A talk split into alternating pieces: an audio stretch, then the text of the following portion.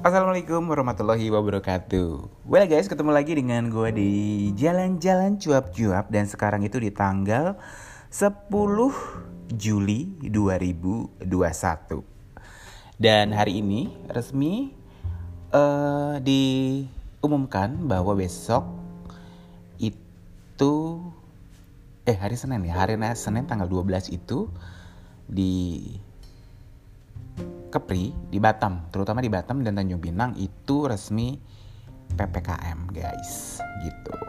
Dan dua minggu ini adalah dua minggu yang berat buat buat gue guys. Ih ngomong gue jangan gay guys ya. dua minggu ini adalah dua minggu yang berat buat aku gitu. Jadi ceritanya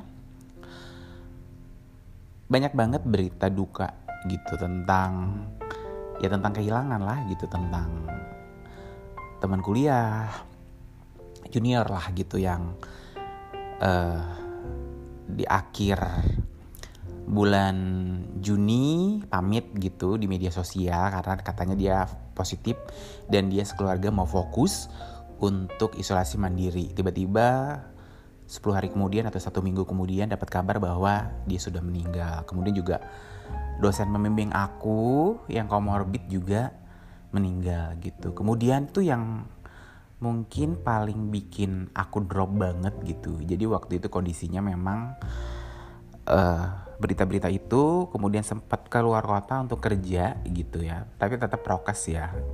Dan mungkin lelah uh, fisik ngedrop gitu.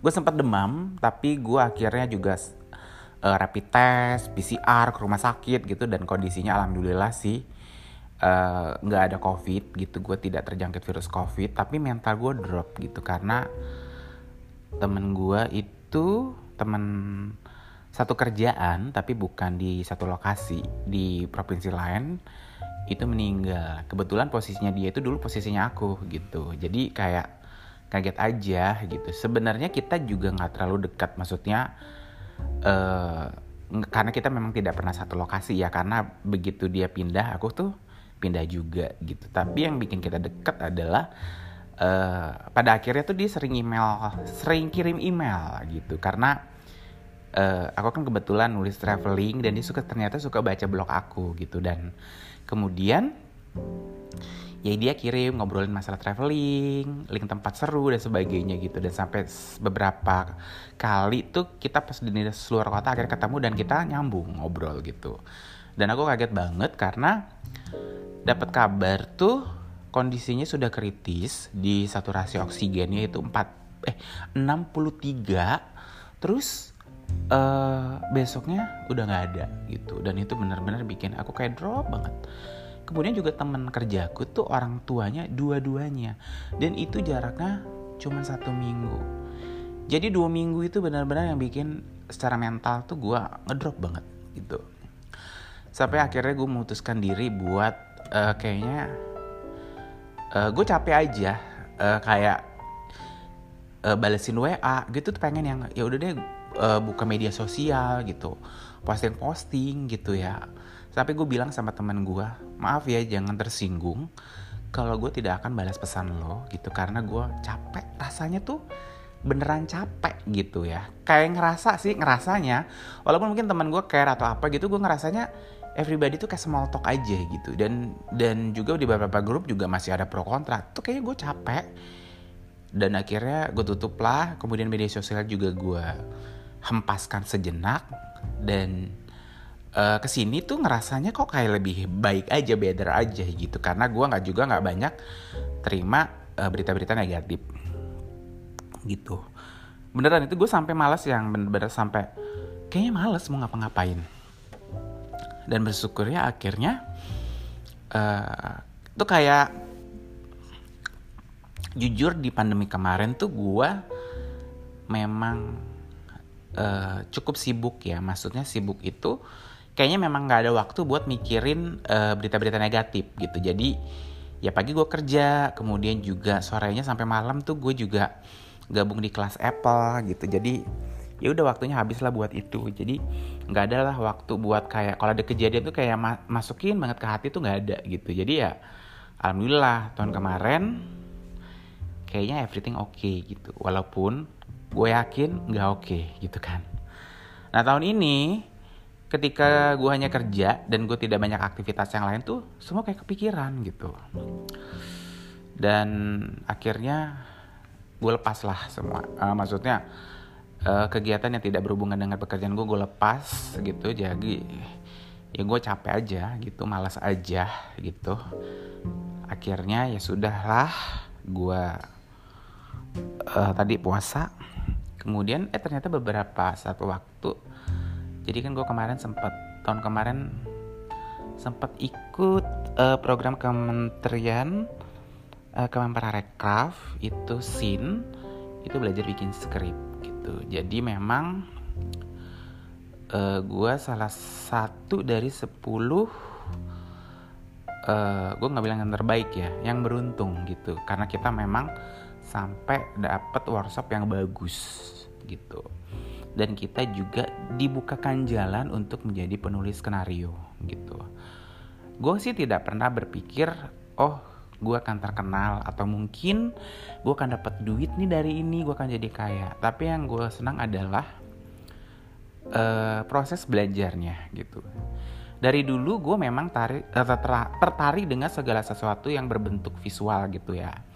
Jadi ketika ada jalan ini tuh sebenarnya itu kayak oh kayak passionnya gue itu jadi kayak kenyataan ya gitu nah tapi kemarin uh, ide cerita gue agak pending karena ada beberapa lokasi yang nggak bisa gitu ya karena pandemi gitu. Jadi ini tidak di progres maksudnya beberapa teman gue yang ide ceritanya bisa untuk make sense untuk diproduksi itu tetap jalan gitu. Jadi dicarikan uh, produser gitu kan.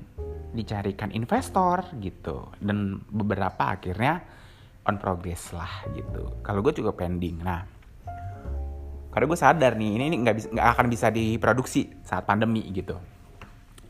Akhirnya salah satu mentor gue tuh ngajakin e, mau ikutan nggak uh, project gitu kan. Jadi tapi jadi junior writer. Gue pikir nggak apa-apa gitu. Jadi apa pun tuh nggak apa-apa. Istilahnya jadi lu jadi tukang dengar pun nggak apa-apa. Karena gue ngerasa bahwa ini adalah proses belajar gitu. Ya wes lah akhirnya gue ikutlah project ini yang jadi mengisi waktu gue gitu. Jadi biasanya meetingnya sore. Kita selesai jam kantor tuh jam 3 gitu. Jam meetingnya biasa jam jam 4 sampai malam gitu. Itu kayak kelas Apple gue dulu gitu. Dan ini mungkin udah jalan sekitar hampir satu minggu. Dan gue ngerasa it's better gitu. Jadi kayaknya memang gue itu adalah makhluk yang sangat sosial banget gitu jadi kalau gue nggak ngomong sama siapa-siapa gue bakal stres Makanya gue kayak gini bikin podcast sih sebetulnya ini adalah buat terapi gue. Kalau udah ngomong gini tuh gue ngerasa kayak ngobrol sama orang aja gitu. Walaupun gak ada siapa-siapa nih di sini. Gitu. Itu guys gitu dan gue berharap sih uh, prosesnya itu terus berlanjut. Gue juga bisa menikmati proses belajarnya sambil menunggu pandemi ini selesai gitu. Karena gini, jujur ya, gue pikir dulu pandemi itu setahun kelar gitu jadi uh, memang sih di 2020 gue memang berencana untuk hiatus dari ngeblok gitu ya jadi gue memang karena gue ngambil kelas di uh, Apple. Jadi gue memang biar fokus tuh gue udah komit gue gak akan traveling dan gue gak akan ngeblok gitu. Nah tapi pada kenyataannya waktunya masih bisa nih gitu. Nah jadi masih lah jalan gitu. Nah gue masih berharap gitu di tahun ini itu semuanya kembali. Tapi akhirnya gue menerima kenyataan bahwa semuanya nggak akan normal kok kayak dulu gitu. Karena sebenarnya uh, ya banyak lah gitu ya kayak bukan project sih sebenarnya. Kesenangan-kesenangan yang menanti gitu kayak umpamanya gue menangin lomba naik kapal pesiar gitu ya yang si pihaknya bilang kalau pandemi selesai nggak nggak masalah nanti akan uh, diwujudkan gitu. Tapi masalahnya kita nggak tahu ini kapan akan berakhir gitu dan gue tuh kayak dan oh, jujur aja sih di kondisi pandemi kayak gini juga orang agak males ya baca. Bukan males sih sebenarnya agak sedikit yang mencari referensi buat traveling gitu. Dan mungkin bagi beberapa teman travel blogger juga ngerasain gitu ya gitu. Kalau masalah konten sih banyak memang yang belum ditulis gitu. Kayak video juga banyak yang belum diedit. Tapi kayaknya orang juga agak males cari karena jujur aja gue sempet di satu momen tuh di pandemi males untuk buka blog gue sendiri baca cerita jalan-jalan nonton traveling gue sendiri gitu. Kayak sakit hati gue nggak bisa jalan-jalan gitu. Itu aja. Nah jadi uh, kayak gue kayak ini kalau gue travel blogger gue nggak jalan-jalan terus gue ngapain? Gitu. Gue cerita ngayah ke, uh, atau mungkin gue retelling story trip 2 tahun lalu gitu kan. Istilahnya seperti itu ya walaupun ya masih ada lah gitu beberapa temen atau gue secara mandiri juga uh, kayak review hotel di Batam gitu. Tapi beda gitu. Nah itu mungkin yang kayak oh alam bawah sadar gue pun kayak ngerasa ngapain lah gitu. Tapi gue harap dengan kegiatan baru gitu ya aktivitas baru sih ngarepnya ini akan menjadi jauh lebih menyenangkan lah gitu. Dan ini juga kayak menjadi healingnya gue juga gitu. Gue sampai bilang terima kasih loh sama mentor gue gini.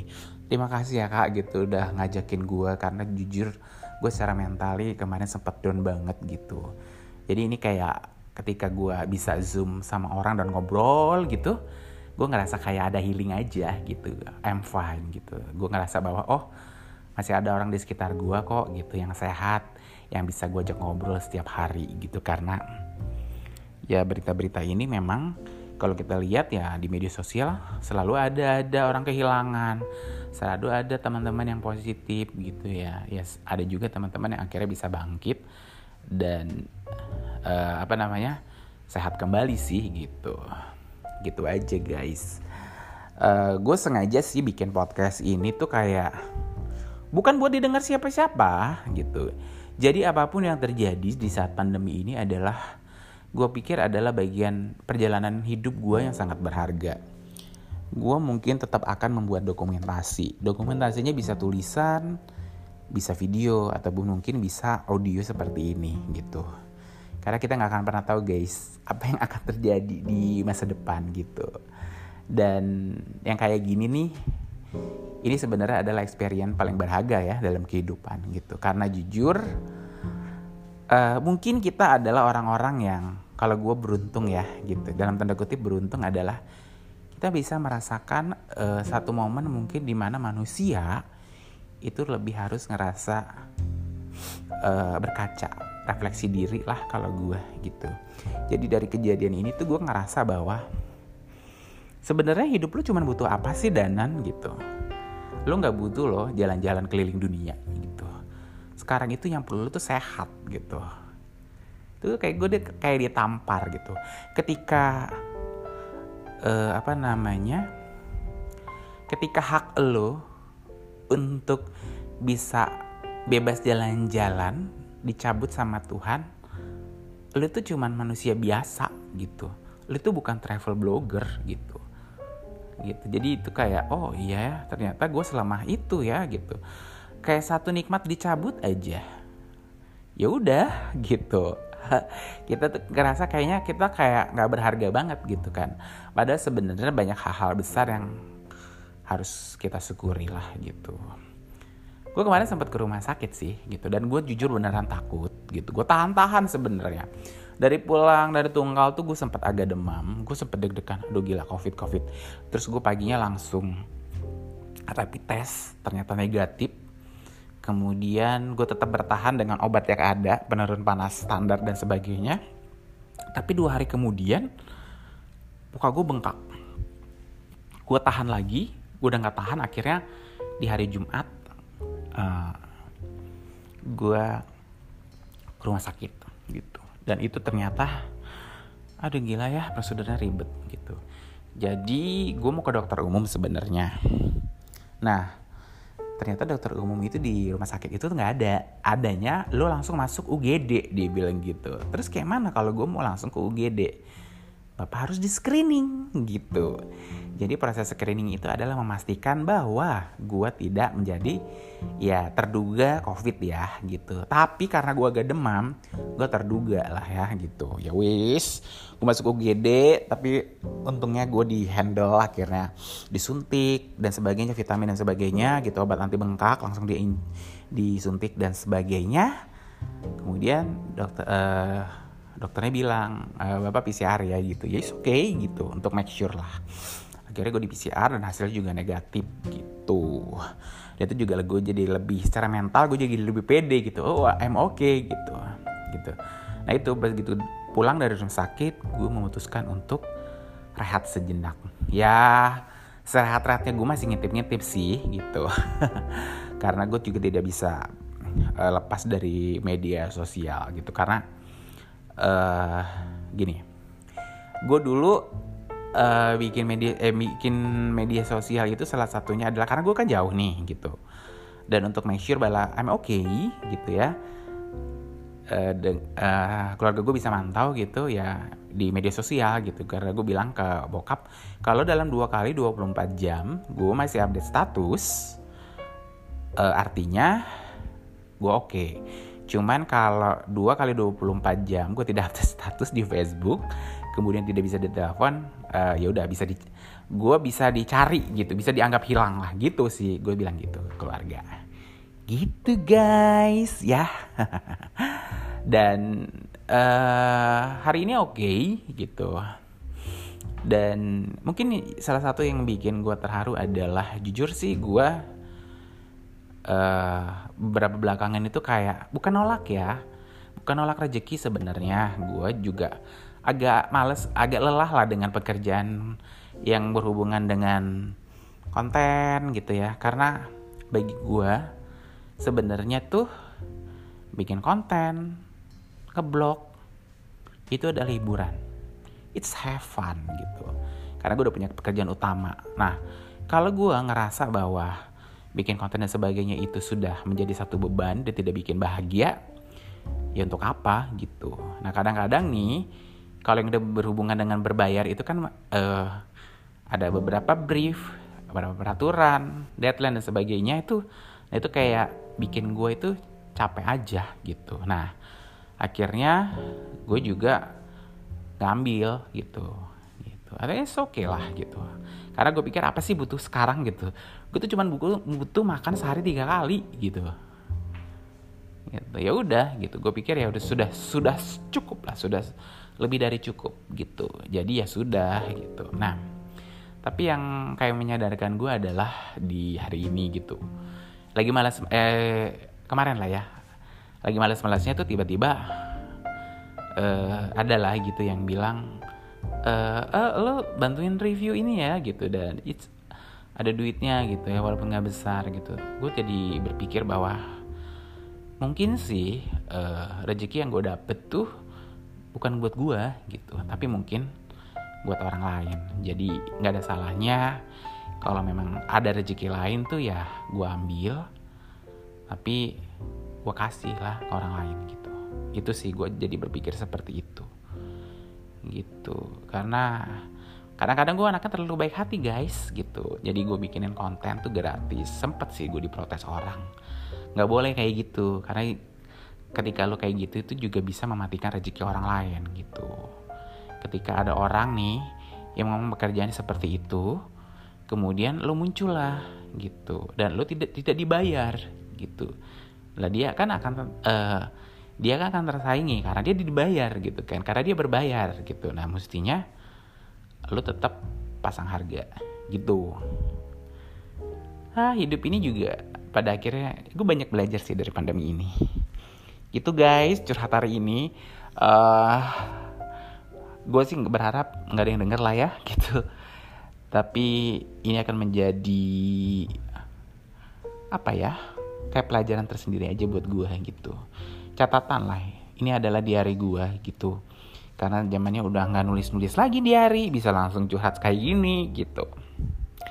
Thank you guys udah dengerin selama hampir 20 menit. Gue mau ngepasin aja 20 menit karena habis ini gue juga akan mengerjakan beberapa pekerjaan gitu karena gue yakin rezeki sekarang itu kayak yakin gini juga gitu mungkin rezeki yang dititipin sama Tuhan ke gue itu uh, bukan buat gue gitu tapi buat orang lain gitu. Jadi nggak ada salahnya gue terima gitu. Gitu guys.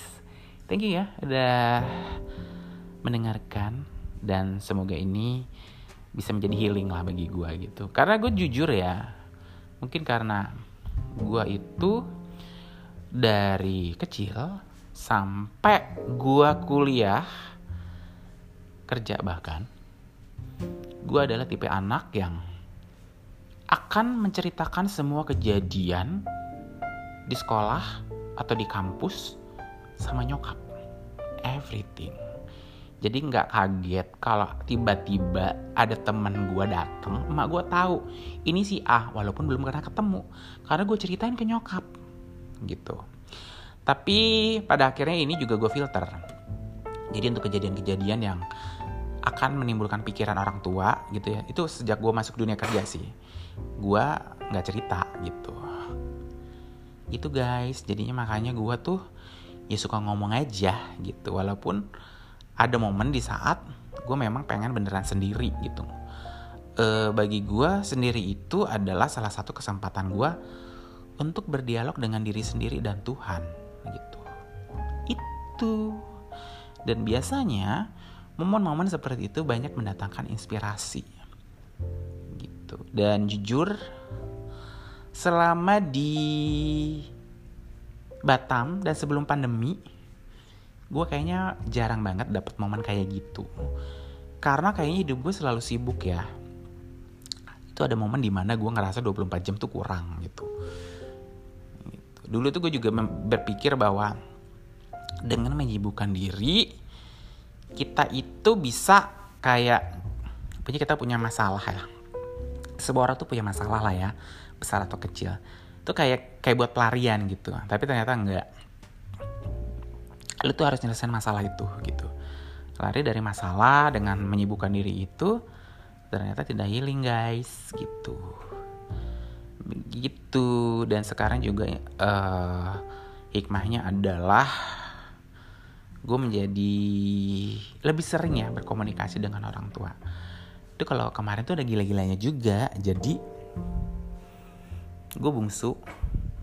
Ego gue mungkin sebagai anak lebih tinggi ya daripada anak sulung gitu. Jadi tuh kalau gue mau telepon ya telepon aja bisa sekali gue telepon sejam dua jam gitu. Tapi ketika gue sibuk ya udah gue menghilang aja seminggu atau dua minggu gitu. Sampai bokap tuh kadang nelpon eh, nggak uh, kangen sama ibu gitu. Itu yang kayak kadang-kadang tuh ke sini tuh gue ngerasa oh ya berarti memang kayaknya pandemi ini kayak banyak menyadarkan banyak hal deh gitu. Gue harus bisa lebih menghargai apa yang gue punya lebih banyak bersyukur gitu. Kemudian juga lebih kayak ngelihat ke diri sendiri gitu. Bahwa kita itu manusia yang lemah gitu. Satu nikmat dicabut aja lu udah kelimpungan gitu. Gitu guys. Ya wis lah. Udah 23 dan terima kasih ya uh, semoga semuanya tetap, kita tetap sehat pandemi berakhir. Kayaknya pandemi tidak akan berakhir tapi kita bisa berdampingan dengan corona gitu. Dan kehidupan juga semakin menjadi lebih normal gitu. Ekonomi sih kalau gue yang gue pikirin sih gitu. Karena juga banyak teman-teman gue yang kehilangan pekerjaan kemudian juga ya gajinya tidak full 100% gitu. Secara finansial juga memang terganggu gitu. Tapi ini mungkin juga kayak menyadarkan mereka bahwa ya kita ini cuma apa sih butuh apa sih sebenarnya sekarang gitu. Kayak pada akhirnya juga gue jadi nyadar gitu ya. Gue cuman butuh baju juga ya udah segini doang gitu. Gitu. Lu nggak butuh tangan itu cuma dua gitu. Lu butuh jam tangan tuh satu. Kenapa lu sampai punya dua belas gitu? Ada apa dengan anda danan? Gitu. Lu pakai punya sepatu ya mungkin kita dulu waktu zaman kecil paling banyak tuh sepatu dua atau tiga gitu ya. Tapi sekarang mungkin ya dengan keinginan manusia yang tidak tak terbatas ya banyak. Pada kaki cuma dua gitu kan gitu. Yowis ya lah thank you banget terima kasih. Dan semoga ini memberikan inspirasi bagi kita semua gitu. Dan untuk kamu yang mungkin sekarang sedang berjuang melawan covid tetap semangat ya gitu selalu ada hikmah dari semua peristiwa. thank you